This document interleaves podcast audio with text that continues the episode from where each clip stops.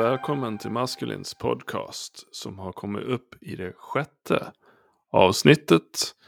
Det här avsnittet är det avslutande för pestens år 2020. Med mig har jag som vanligt Ernst Robert Almgren. Hallå, hallå, kul att vara här. Och jag heter Dan Forslund.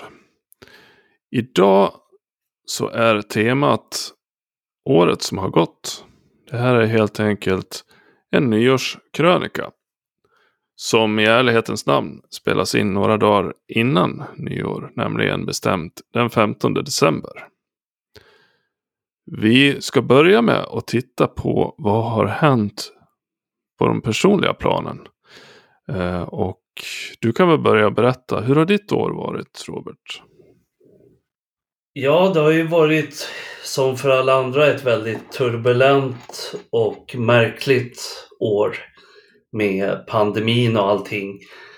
Ehm, jag sitter faktiskt och är lite förkyld nu så jag sitter i karantän hemma. Jag hoppas jag inte ska låta för mycket i mikrofonen med eh, snuvande och så. Nu tror jag inte att jag har corona men jag ska testa för det eh, under dagarna här. Men eh, det har ju varit ett väldigt, ja i början av året så var det ju liksom panik och eh, väldigt mycket turbulens. Och så har det väl lugnat ner sig för de flesta under årets gång. För mig personligen så har det varit, eh, och det här har varit ganska symptomatiskt för vårt arbete med maskulint. Det, det har varit ett ganska trist år för mig rent personligen. Det har varit eh, eh, Ja, man har inte kunnat åka någonstans och göra så mycket saker. Det har varit en del sjukdomar i familjen och sådär. Däremot så har det gått väldigt bra med eh, dels mina egna personliga projekt med skrivande, bloggande, maskulint, vårt poddande, min Youtube-kanal och sådär har gått fantastiskt bra. Eh, men det har inte skett så mycket övrigt i mitt liv eh, för övrigt. Så det är väl som för de flesta. Eh, man är glad att man kunnat jobba och eh, fungera någorlunda normalt även om man inte har kunnat resa så mycket under året. Det är väl det jag har egentligen att säga om, om mitt år i korthet.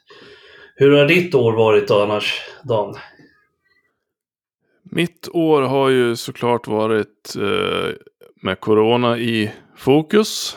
Eh, men eh, för mig så eh, paradoxalt nog så här kanske det här året hör till ett av de allra bästa som jag har upplevt så här långt i mitt liv.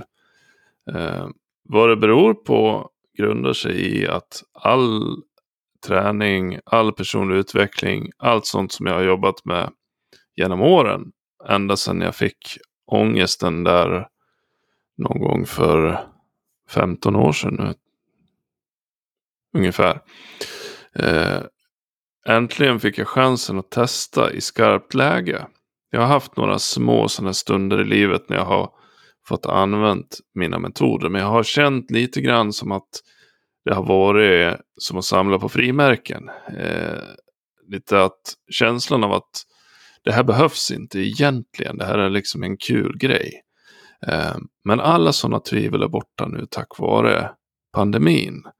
Eh, för alla mina mentala strategier har satts på prov. Eh, jag har fått möjlighet att hjälpa andra människor runt mig. Och jag har som en del i det här har jag startat min personliga podd. Dan Forslund kan man söka på om man vill hitta den. Och då har jag pratat just om ångest, jag har pratat om oro, jag har pratat om pandemin, olika sätt att vara produktiv på. Eh, och jag har fått en otroligt fin respons på den podcasten. Eh, så att pröva mig själv och få dela med mig har varit i fokus det här året. Eh, sen har det också varit år där jag har brutit upp en relation vilket alltid är tufft och tungt. Ehm, men det har inte varit så här uppslitande och jobbigt som det brukar vara. Utan jag upplever att det har gått ganska bra. Ehm, jag har en känsla av att jag har liksom hittat hem i mig själv på något vis. Jag har fått en, ett lugn och en trygghet. Mer positivt, eh, mindre oppositionellt eh, mot världen. Så eh, väldigt bra år för mig. Och dessutom så har vi då allt som maskulint har lyckats med under året. Just det. Ja, du påminner mig faktiskt om en sak jag skulle kunna tillägga till mitt år. Eh, jag tog inte med det eftersom det är ganska nyligen, men det är faktiskt värt att nämna. Och det är att jag har påbörjat en hel del nya områden i min personliga utveckling nu mot slutet av året. Eh, bland annat har jag börjat med yoga frekvent, något jag velat göra länge på lite mer seriöst. Och jag har börjat praktisera Wim Hofs eh, andningsmetoder under en av hans eh, lärjungar här i Sverige. Eh, så det är faktiskt väldigt spännande och någonting jag redan har börjat känna av positiva effekter från. Och jag kan, jag kan även tillägga att jag varit väldigt bra på att meditera eh, det här året. Eh, så att det kommer jag garanterat att skriva och tala mer om eh, framöver. Det låter, det låter intressant. Jag ser fram emot det. Eh, om man börjar fundera vad som har hänt med Maskulint, projektet, under året. Eh, så har det ju hänt ganska mycket. Frågan är om det inte är det mest händelserika året någonsin. V vad säger du? Garanterat. Alltså det är så mycket. De tidigare åren med Maskulint, det har ju blivit mer för varje år. Men varje föregående år fram till det här året så har man ganska lätt kunnat sammanfatta vad som har hänt. Det har varit så här, ja vi har haft ett par intervjuer, vi har haft ett par virala artiklar och vi har ökat så här mycket i statistik. Det här året fullkomligen exploderade i, ehm, i reaktioner och virala artiklar och intervjuer och omnämnanden och framgångar på olika sätt med sidan. Eh, det har faktiskt varit ganska överväldigande. Eh, vi har fått en oerhörd respons, oerhört mycket mejl och meddelanden.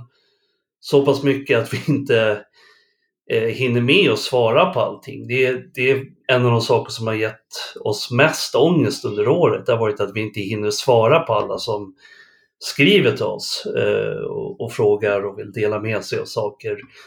Och det är ju ett väldigt kul problem att ha på det sättet att vi har blivit så pass relevanta. Vi har verkligen etablerat oss som en auktoritet måste jag säga i de här frågorna. Vilket var vårt mål när vi startade med den här sidan. Mm.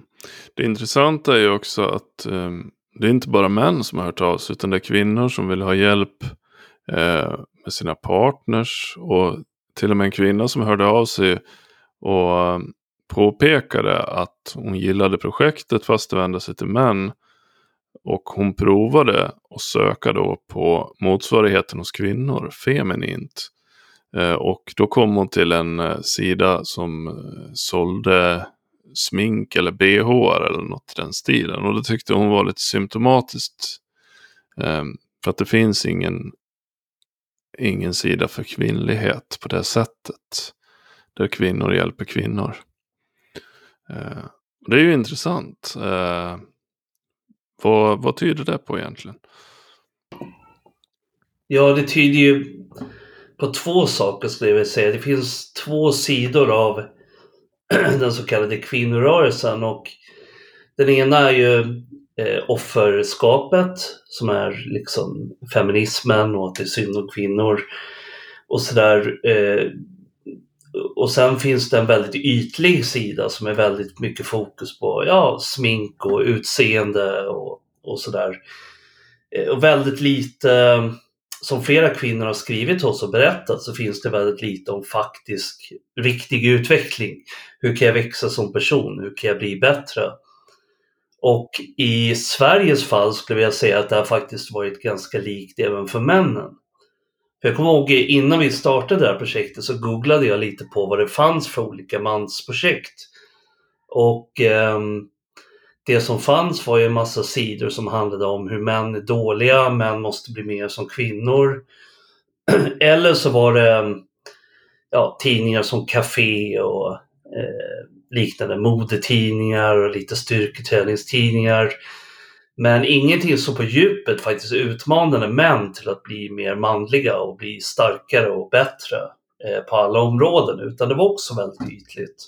Så jag tror att det, det är inte bara symptomatiskt för sidor riktade till kvinnor. Det har varit samma sak för män också. Åtminstone i Sverige ja. har det varit så. Man kan ju, om man ska sammanfatta det, så är det ju alarmism eller konsumism. Det är de två valen som har funnits. Men, eh, och det ena driver det andra. ja, men precis. Eh, ont om konstruktiva alternativ. För att det är jobbigt att bli bättre. Framförallt eftersom man måste skylla på sig själv och inte på en massa externa omständigheter så att göra sig till ett offer. Utan man tar ansvar för vem man är och man jobbar med det. Eh, och det är det jobbigaste alternativet. Så det är inte så konstigt att folk tar de andra enklare varianterna. Ja, det är också väldigt mycket kosmetiska lösningar. Att istället för att oh, skaffa den typ av karriär du vill ha så du kan förverkliga dig själv och leva din passion. Köp en dyr märkesklocka som gör att du verkar framgångsrik och andra kommer tycka att du verkar framgångsrik.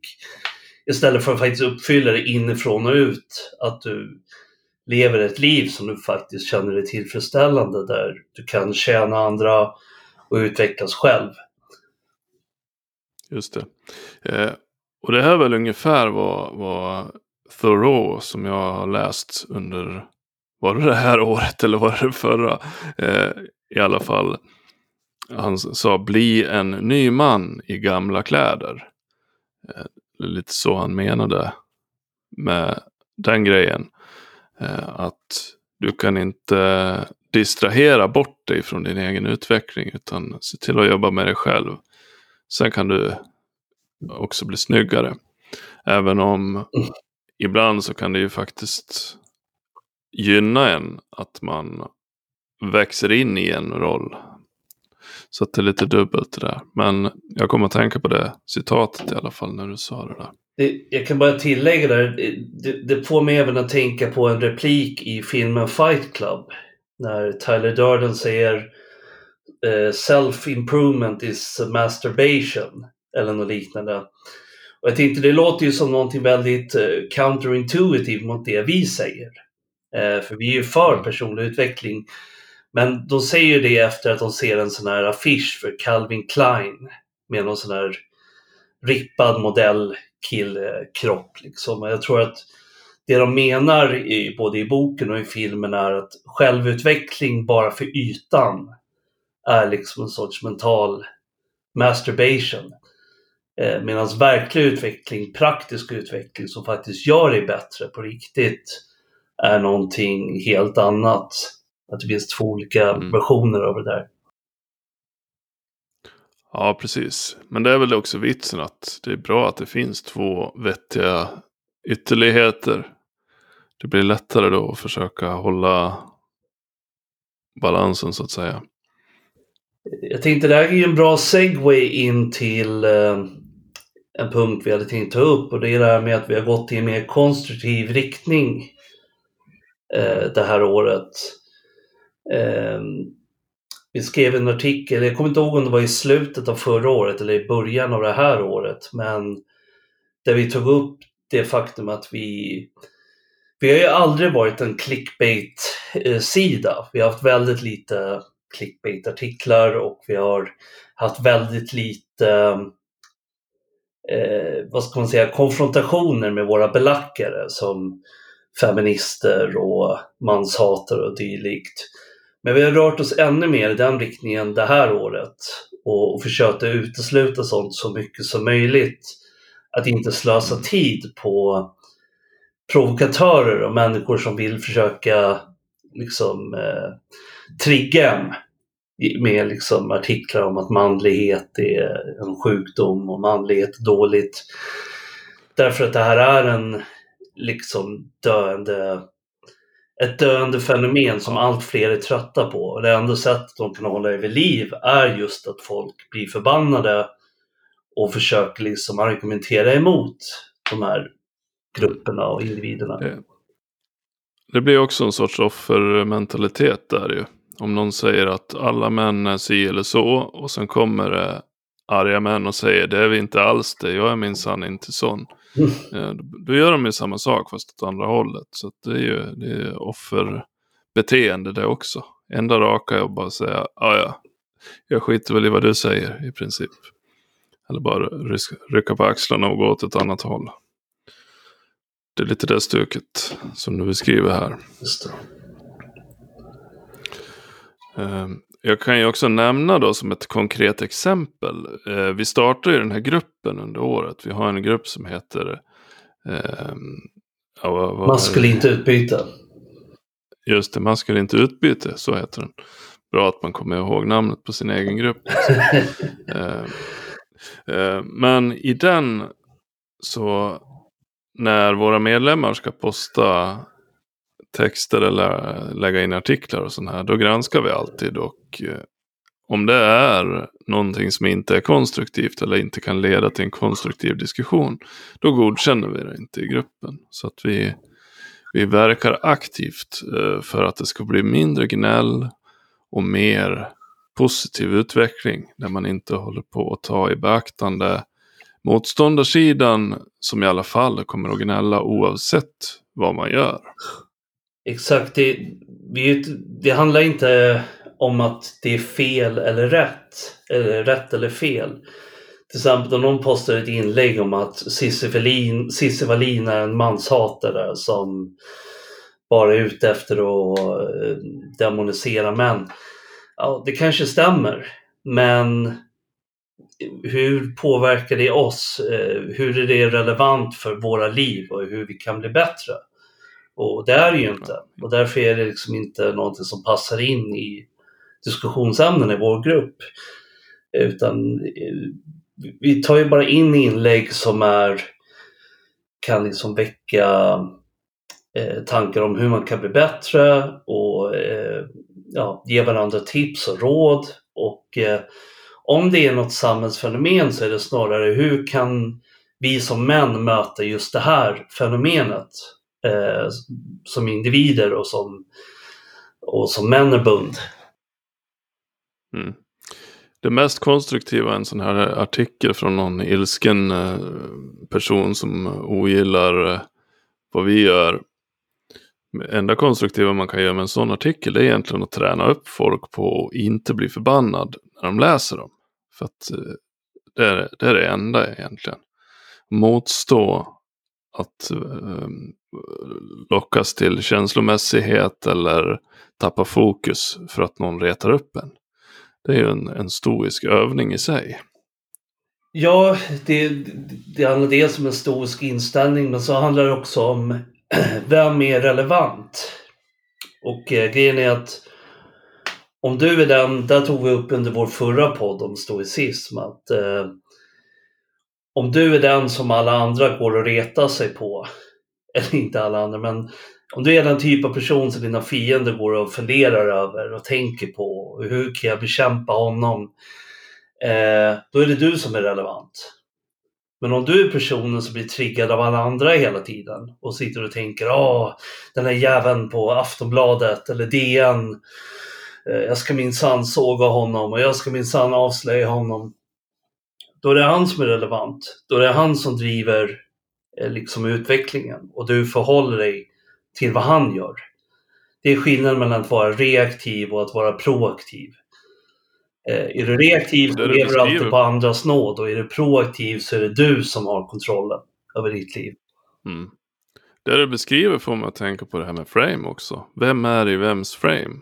Om du är den som blir triggad av någon annan, då är ju du i den personens våld så att säga. Då är, då är ju du i den andras frame. Eh, men om någon retar sig på dig, då är det ju du som äger agendan. Eh, så att det gäller ju att vara den som leder alltihop. Eh, vad kan vi mer säga om den här gruppen då? För att vi bara vi har gått i flera år och funderat på det här. Vi borde ha en gemenskap. Det är ju därför vi startar sidan. Och ja, vad ska vi ha för plattform och vad ska vi göra? Vad ska vi ha för regler och sånt där har man hållit på dividerat fram och tillbaka. Och sen helt plötsligt en dag så sa vi, äh, men nu startar vi en Facebookgrupp. Och så gjorde vi det och pang bom så är vi, vad är vi nu, 60 medlemmar tror jag. Något sånt där. Ja, över 60. Och det bara small till. Eh, och det har varit en otrolig aktivitet där inne. Det har varit jättekonstruktiva eh, diskussioner om allt möjligt. Från att jakt har jag sett. Det har varit om relationer. Eh, Entreprenörskap. det har varit om styrketräning. Eh, ja, hur kan du beskriva gruppen? Ja, alltså det visade sig, tycker jag, att jag tror att det var väldigt positivt att vi inte startade den här gruppen typ första året när vi hade sidan. Därför att det svåra med att skapa en gemenskap på det här sättet är att skapa en positiv kultur och en konstruktiv kultur i gruppen. Eh, och innan vår sida var särskilt känd och hade många läsare så var det ju svårt att få ett urval av folk som faktiskt förstod vad vi ville göra för någonting. De som söker sig till gruppen idag är ju oftast de som redan lyssnar på vår podd, läser våra artiklar och vet vad vi handlar om. Så man behöver inte hålla på och förklara och liksom ta bort en massa inlägg. Och eh, man behöver inte styra upp så mycket. Och vi har släppt in få medlemmar åt gången. Eh, just för att vi vill kunna kontrollera att det är seriösa personer som går med och att de är konstruktiva och håller sig till ämnet och så vidare.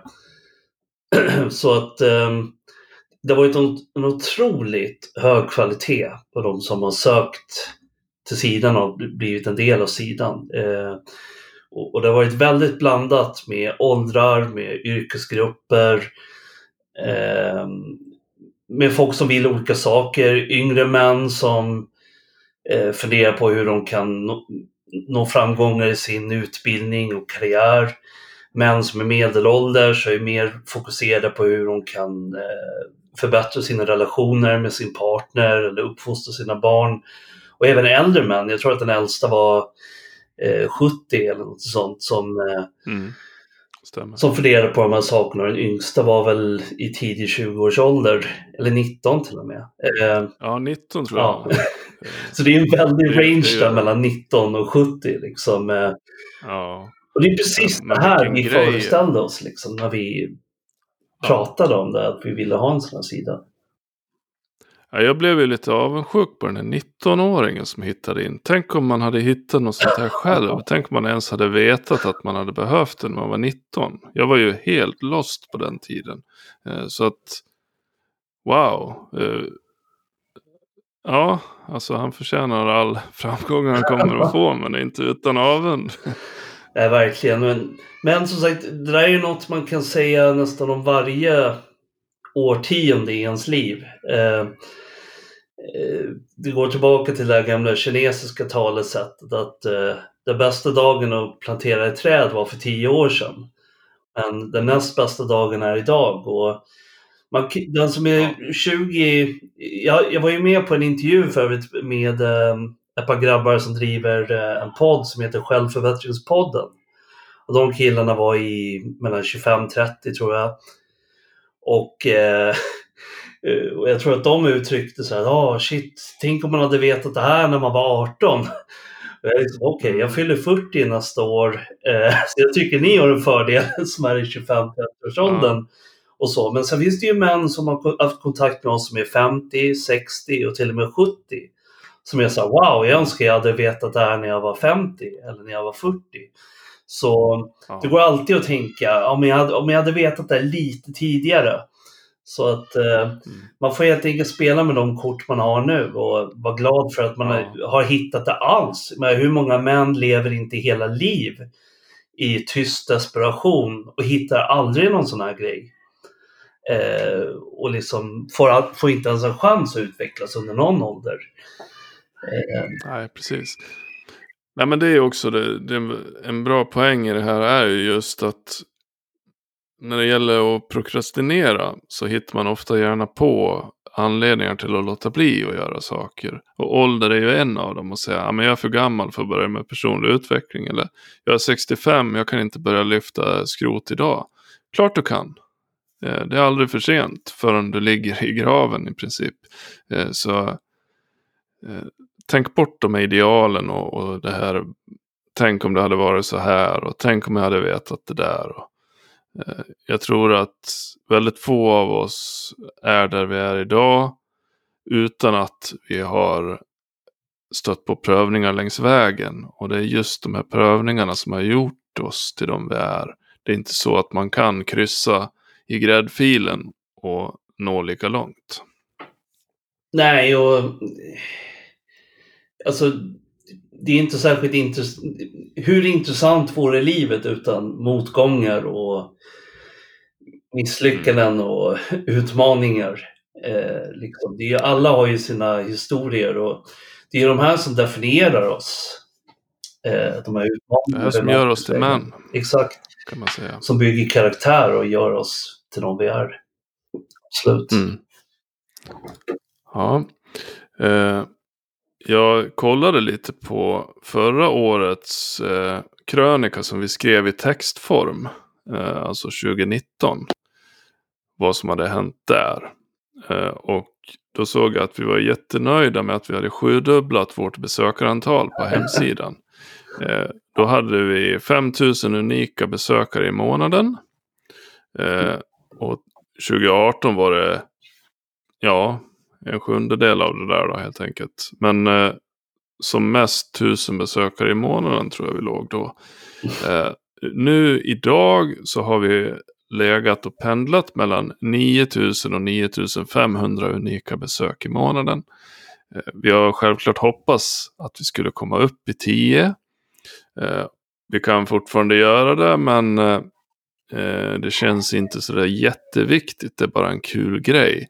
Men ändå, det är ganska mycket folk.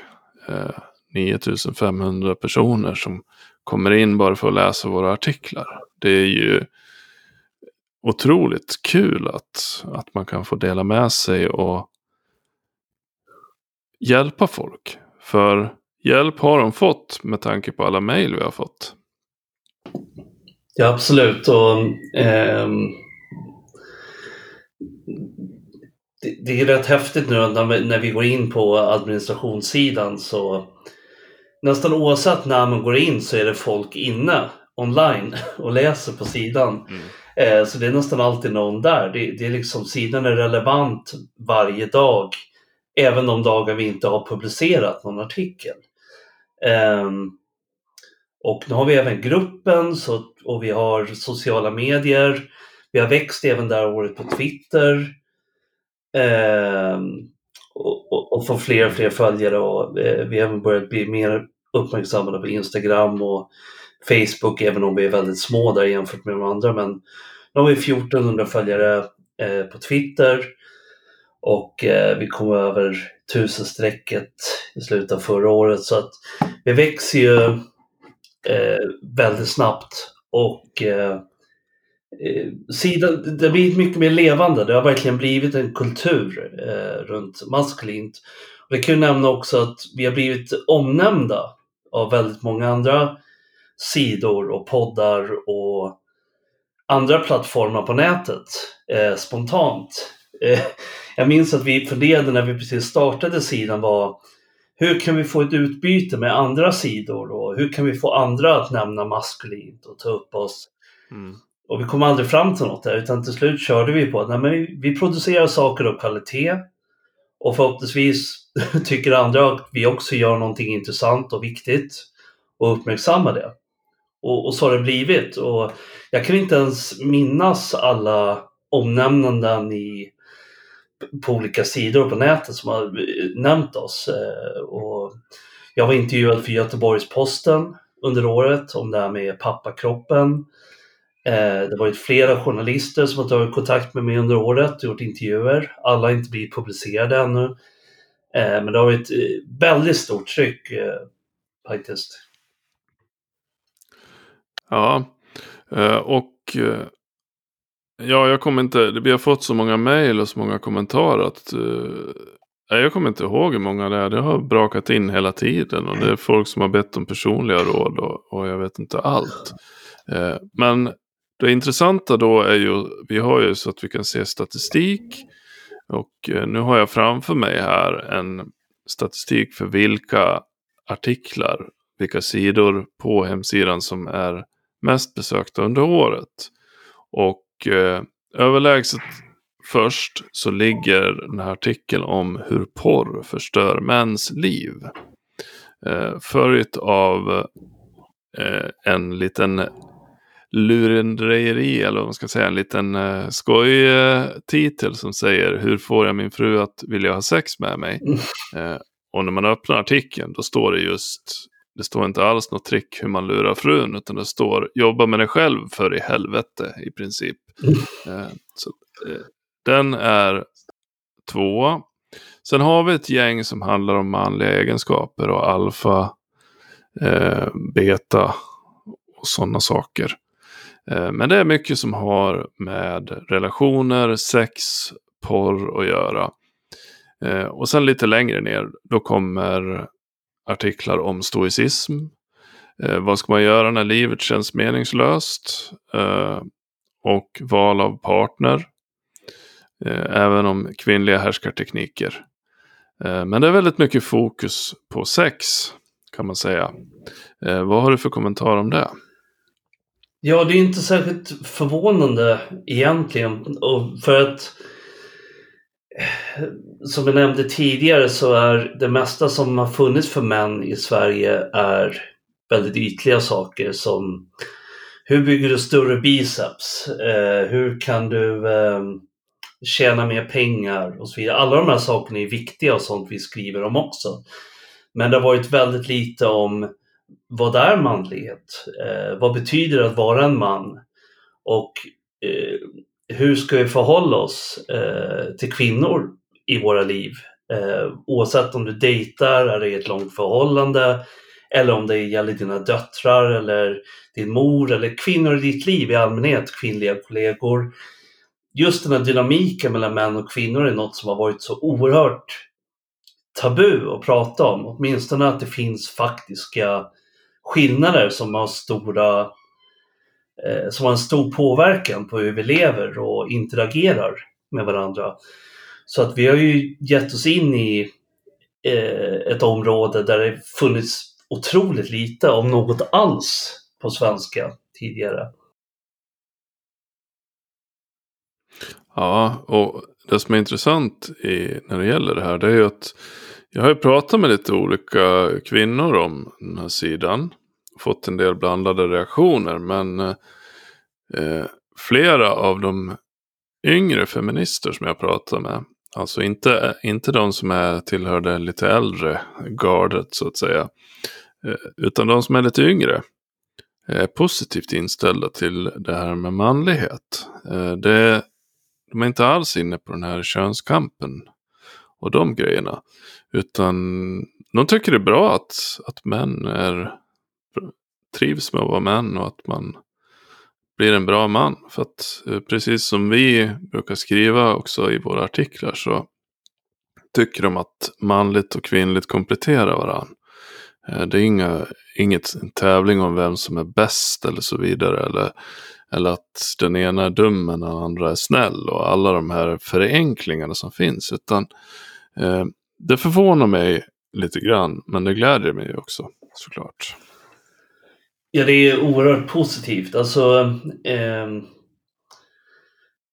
ja, det var verkligen ingenting jag hade förväntat mig heller, men det, den enorma responsen från eh, kvinnor som har varit positiva och som tyckt att shit, äntligen eh, är det någon som tar upp det här och faktiskt pratar, alltså som skippar allt bullshit och liksom tassar som katten kring het gröt och faktiskt ger sig in i frågorna. Vad, vad sjutton handlar det om? Hur kan vi göra någonting och, och faktiskt eh, eh, faktiskt bli de män vi vill vara, den typ av män som faktiskt kvinnor vill ha. Därför att eh, det är ju någonting vi har skrivit mycket om och pratat mycket om. Det är att det finns en enorm frustration eh, bland kvinnor. Och just de här yngre kvinnorna du nämner, de är lite offer för de äldre generationerna av kvinnor som har eh, varit väldigt negativa till manlighet. Eh, det är liksom inget de själva har varit med och, och, skapat utan de lever i efterdyningarna av den sexuella revolutionen. Och nu börjar de här yngre kvinnorna märka att eh, det här var inte så bra. eh, det, det, kanske inte är så jäkla dumt med maskulina män och eh, lite mer traditionella relationer med traditionella könsroller och så vidare. Ehm, det har överväldigande varit positiv respons. Eh, det har varit så sällan vi fått negativ respons eh, från kvinnor att eh, mm. det blir liksom minnesvärt när det väl sker att oj, där var faktiskt någon som blev irriterad för det vi skrev. Oftast är det tvärtom. Ja. Det har ju inte varit helt utan negativa reaktioner utan faktiskt här i, i dagarna nu så, så var det någon grupp som drev lite jäck med någon artikel på Facebook. Men man kan säga att det är ofta personer som har en, en ironisk inställning eh, till tillvaron och som inte tycker om att ta saker på allvar och gärna driver jäck med de som försöker vara seriösa och skapa någonting konstruktivt. Eh, då förlöjligar man, förlöjligar man det med att ah, kolla vilken eh, överspänd rackare eller överseriös eller något i den stilen. Mm. Uh, en, sak till, varit, var... en sak till där som är mm. symptomatisk också, ursäkta jag avbryter, är att eh, det är oftast män. de flesta av de som ja, kommenterat är män som gnäller över de här sakerna. Eh, för artikeln de tar upp här i min artikel med råd om hur män kan ge råd till kvinnor i sina liv vad gäller relationer och personlig utveckling.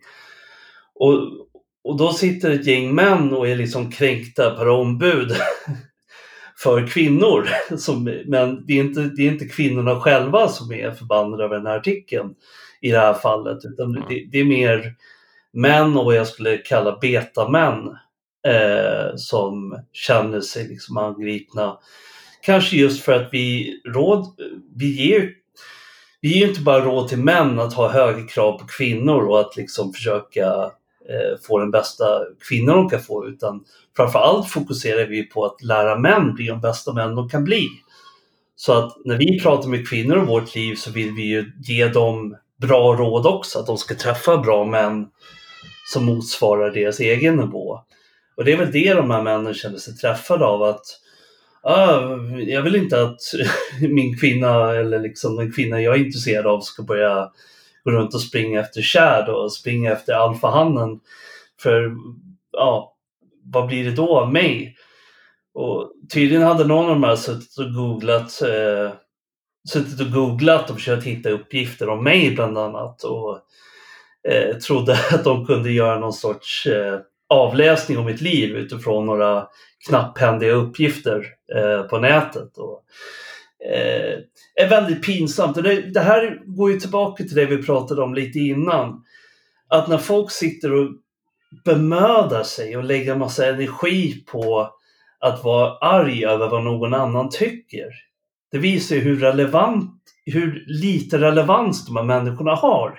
Men jag sitter inte och letar efter folk jag sitter inte och letar efter bloggar på nätet så här bara, nu ska jag hitta någon som minsann tycker tvärt emot vad jag tycker och sitta och vara arg över den personen och luska reda på saker om deras liv. Jag sitter inte och googlar om var Anders Lindberg bor eller Cissi Wallin. Det är totalt ointressant för mig för jag har så mycket på gång i mitt eget liv som jag är glad över och eh, känner mig så otroligt tacksam för att jag är i ett fantastiskt förhållande. Jag har tre underbara barn. Eh, jag lever min passion och mitt syfte. Och det där är så otroligt mycket mer värt än att sitta och tjafsa med människor som inte har någon relevans för mig. Eh, det är liksom så meningslöst att sitta och diskutera människor som man inte ens respekterar. Så att, eh, ja, det är väldigt futtigt helt enkelt. Ja som jag ser det så varje sekund du lägger ner på någon person som du inte tycker om. Det är ju att, ge en, en sorts seger till den personen. Och om jag lägger en halvtimme på att sitta och googla på någon som jag ogillar. Eh, då har jag gett bort en halvtimme av mitt liv till den personen. Och då är ju frågan, är den personen värd en halvtimme av mitt liv? Nej, förmodligen inte. Nej. Nej, exakt. Men det har ju ändå varit som sagt undantaget. Eh, mm. Men som gör sig roliga. Den största kontroversen vi hade förra året var väl det här med Greta Thunberg. ja. ja. Eh, som knappt är värt att nämna. Men det, det, har varit ganska oväntade saker som folk har blivit förbannade över. Eh, och, och, det har varit väldigt sällan. Så. Det är egentligen inte mycket ord om. För de som inte känner till det där så var det alltså så att vi, vi gjorde oss lite löjliga, eller vi gjorde oss lite lustiga över en person som hade tatuerat in Greta Thunberg på sitt ben eller något sånt där. Eh, och sen hade han sett till att blivit med i lokaltidningen för att visa upp tatueringen. Eh, och då gjorde vi oss lustiga över det. Eh, det hade alltså ingenting med några klimatfrågor eller Greta Thunberg alls att göra, utan det hade att göra med att vi tyckte det var en fjant som ville vara med i tidningen och visa sin fina tatuering. Det tyckte vi var löjligt, så då drev vi lite med det och det blev en fantastisk storm av hat som vi fick på grund av det. Då. Just för att eh, Greta fanns med i sammanhanget. Hon hade inget med saken att göra. Det hade kunnat vara snurresprätt eller vad som helst liksom. ja, precis. Alltså, det hade ju ingenting med Greta Thunberg att göra egentligen. Det hade varit lika roligt att driva med en snubbe som hade tatuerat in Justin Bieber på armen eller liknande. Det är nästan lite creepy, en vuxen man som tatuerar någon tonåring på kroppen och dessutom hör av sig till tidningen och säger kolla vad duktig jag är. Ja, men det var ju just den detaljen. Alltså, det var ju den här godhetssignaleringen som det handlade om. Det var ju det som vi tyckte var fjantigt. Eh, men det här är ju det här är ju en sån grej då som vi inte har gjort i år. Den här typen av företeelse att vi driver med folk. Eh, det är ju ett sätt att gå i en mer konstruktiv riktning. Ja. Eh, sen var ju det en oskyldig grej egentligen. Som orsakade ett ramaskri där ute. Just, just det. Eh, om man kollar på våra framtidsplaner då, vad kan folk förvänta sig av oss under nästa år som kommer här? Ja, vi har en hel del eh, saker. Alltså, vi har varit väldigt bra år för år nu att faktiskt uppnå de mål vi har föresatt oss. Eh, det enda som har dragit som inte blev av i år, det var egentligen publicerandet av eh, vår bok som har varit mm. ett projekt som vi hållit på med. Eh, vi färdigställde boken eh, under året men eh, ja, det, det, har varit mycket med eh, pandemin och allting annat, underhållet av sidan. Det här är återigen någonting som vi eh, tvingas nämna emellanåt är hur mycket vi faktiskt gör eh, utöver sidan. Vi, vi har båda jobb och familjer och våra egna projekt.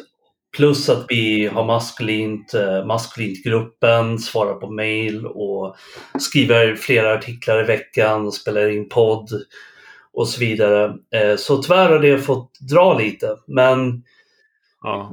Du, en grej bara att skjuta in här. Det var ju också så en, en stor anledning till att boken inte gavs ut var ju för att vi inte var riktigt nöjda med den helt enkelt.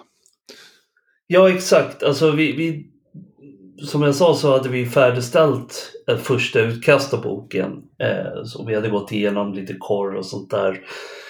Men eh, vi kände helt enkelt att den inte var riktigt, ja, inte riktigt levde upp till vår vision av boken. Eh, och vi kände, det, det, är bättre att vänta i så fall med en sån här grej. Vi, hellre att vi väntar och att våra följare tyvärr får vänta på den här produkten än att vi ger ut någonting som vi själva inte kan stå bakom till 100 procent. Eh, därför att eh, ska vi sälja en produkt så vill vi att eh, vi ska verkligen känna att eh, det här är någonting vi är stolta över eh, att ge ut i tryck. Liksom, och som, eh, lever vidare i folks hem.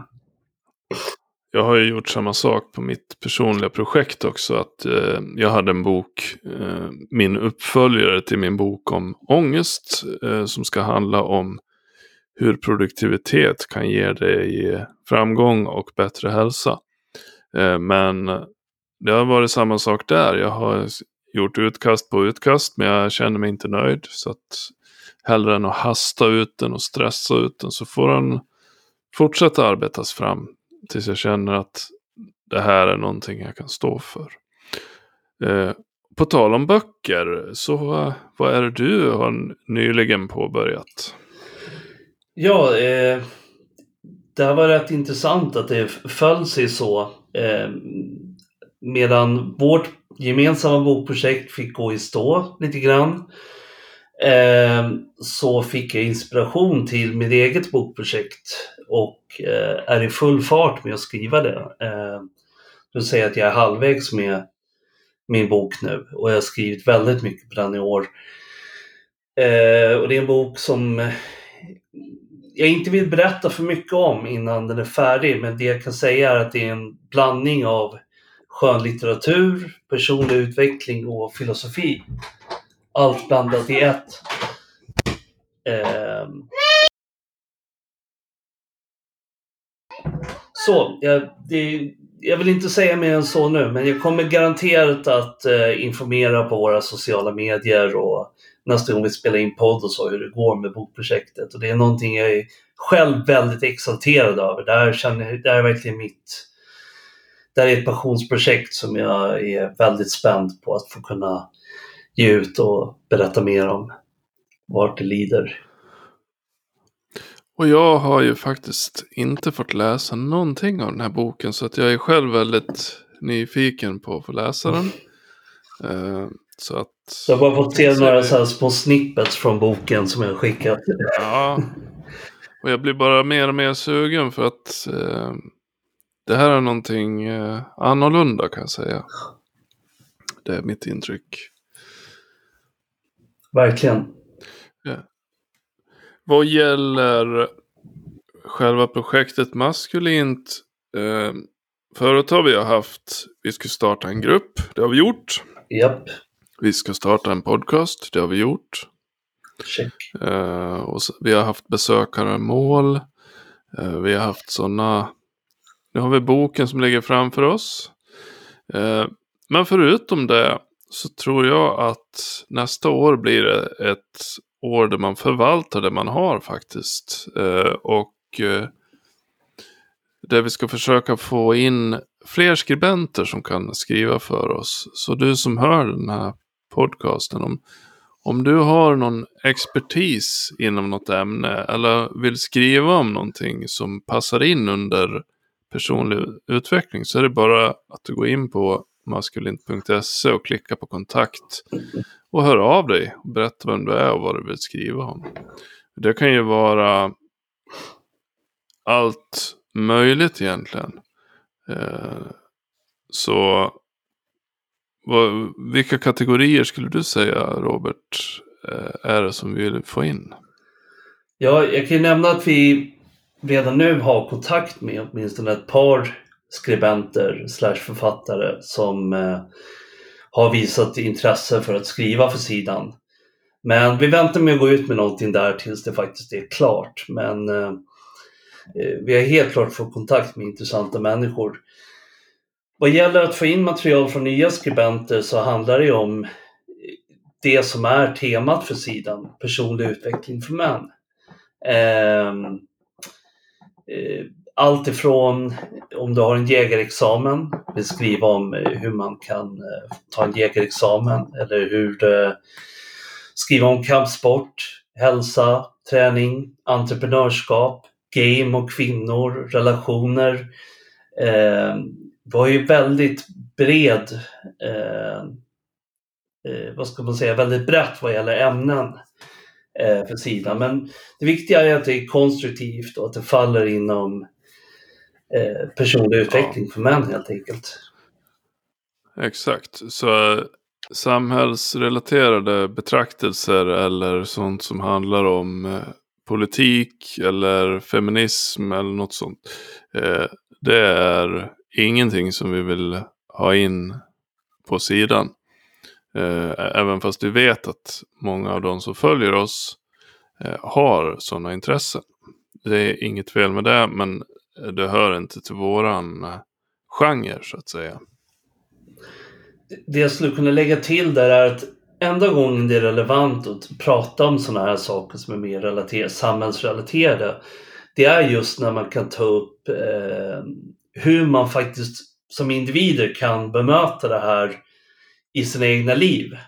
Eh, så att låt oss säga att det handlar om nya regler på arbetsplatsen eh, för eh, män och kvinnor, hur de ska förhålla sig till varandra, så kan man ge råd inom det. Om det gäller ehm, eh, till exempel indoktrinering på förskolorna, att de lär ut genuspropaganda och dylikt till, till dina barn. Vill man skriva om hur du kan hjälpa din son eller dotter att eh, så att säga att ge dem en annan bild av de här frågorna. Det kan vara relevant till exempel, men det måste vara någonting som kan leda till handling, Någon, någonting som kan leda till att du faktiskt blir bättre och kan hjälpa andra att bli bättre. Att bara konstatera, ja det här har hänt och det är skit. Det räcker inte. Det, det leder Nej. inte till någonting. Det finns redan så många sidor, eh, både i mainstream och alternativmedia, som sitter och pratar om hur skit allting är i världen och i samhället. Alla politiker är dumma i huvudet och de ljuger och så här. Tell me what's new. Det är inte vårt intresse. Vi känner inte att vi vill ha så mycket att tillföra inom det. Liksom. Eh, vi vill fokusera på vad man faktiskt kan göra, hur vi kan bli bättre och skapa våra egna alternativ här och nu i samhället. Liksom. Eh, skapa våra egna tribes, våra egna mannabund och så vidare. Och, och även att vi, vi vill inte vara en sån eh, sida som går ut på att visa att vi är missgynnade som grupp. Eh, det må vara sant att män är missgynnade eh, i olika sammanhang, men i så fall hur kan vi agera på ett konstruktivt sätt utifrån eh, utgångspunkten egentligen? Ja, exakt. Ja, alltså, det, det, finns liksom inget ovärdigare för en man eh, än att sitta och säga Ja men titta, jag är minsann också ett offer. Eh, det, det, liksom, det går inte ihop med varken vår identitet som män eller vad vi vill uppnå med maskulint. Helt enkelt. Nej. Eh, jag ser att klockan rör sig här nu. Och jag tänkte så som avslutning på det här avsnittet. Eh, så skulle jag vilja veta vad du har för framtidsplaner personligen för nästa år. Och så vill jag berätta lite om mina. Ja, eh, som sagt mycket tid går jag åt nu till mitt eh, bokprojekt. Det är det som jag fokuserar mest på just nu faktiskt. Eh, i övrigt eh, i mitt personliga liv så eh, är det väldigt mycket med träning. Eh, I början av året så blev det ingen träning alls eh, på grund av corona och gym som var nedstängda och sånt där. Nu har jag kommit igång med yoga, styrketräning, meditation, Wim Hofs metoder. Massor av nya områden för mig inom hälsa och personlig utveckling som jag ser fram emot att kunna skriva om när jag kommit in i det lite mer. Eh, I övrigt så har jag min Youtube-kanal som också har gått lite segt under året, men det är för att vi har poddat och skrivit artiklar och haft mycket med maskulint att göra. Men eh, jag kommer släppa en liten julspecial nu eh, som kanske är publicerad när det här kommer ut. Eh, så att kolla upp mig på Youtube. Där finns det. Sen har jag min personliga blogg, ernstrobertalmgren.com där jag skriver emellanåt, men det kommer vara lite mindre nu på grund av bokprojektet. Men framför allt nästa år så blir det arbetet med sidan. Och det är att höja kvaliteten på det vi redan gör. Skriva bättre artiklar, eh, förbättra eh, innehållet på sidan och så småningom när vi har möjlighet och resurser att kunna förbättra designen och innehållet och sånt på sidan. Så att följare till oss som har eh, kompetens inom det området får jättegärna höra av sig. Och vi, vi tar ju som vanligt tacksamt emot eh, donationer på Swish som gör att vi kan ja, utveckla sidan och skapa bättre material och mer material. Så det är väl allt jag har att säga om nästa år egentligen. Personligen så kommer jag att fortsätta med min podcast. Eh, tanken är att jag ska fortsätta i samma stil men eh, kanske börja ta in lite intervjuer med olika intressanta personer inom eh, ämnet personlig utveckling egentligen. Produktivitet och hälsa. Eh, psykisk hälsa som jag kallar min podcast. Jag kommer också fortsätta jobba på min bok. Eh, och vi får väl se om jag är tillräckligt nöjd för att släppa den nästa år. Men jag utgår från det.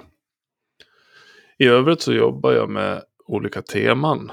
Eh, det här året har jag jobbat med temat eld och kallat det här för eldens år. Eh, det innebär då att jag har använt elden som en symbol för den förgörande elden. Alltså jag har rensat mitt liv från olika saker som inte har hört hemma där. Och så att säga slängt det på elden och bränt upp det för att frigöra mig som person. Eh, nästa år eh, så ser jag rotandet som en eh, princip som jag kommer att följa. Alltså att jag ska slå mig till ro. Eh, att jag ska landa för att jag har levt något av ett nomadliv här nu de senaste åren. Och jag känner att eh, jag vill få en fastare punkt i tillvaron helt enkelt. Eh, så det är vad jag kan säga om mitt nästa år. Eh, och därmed så skulle jag också vilja säga tack alla lyssnare och läsare för det här året. Och jag ser fram emot vår gemensamma resa nästa år.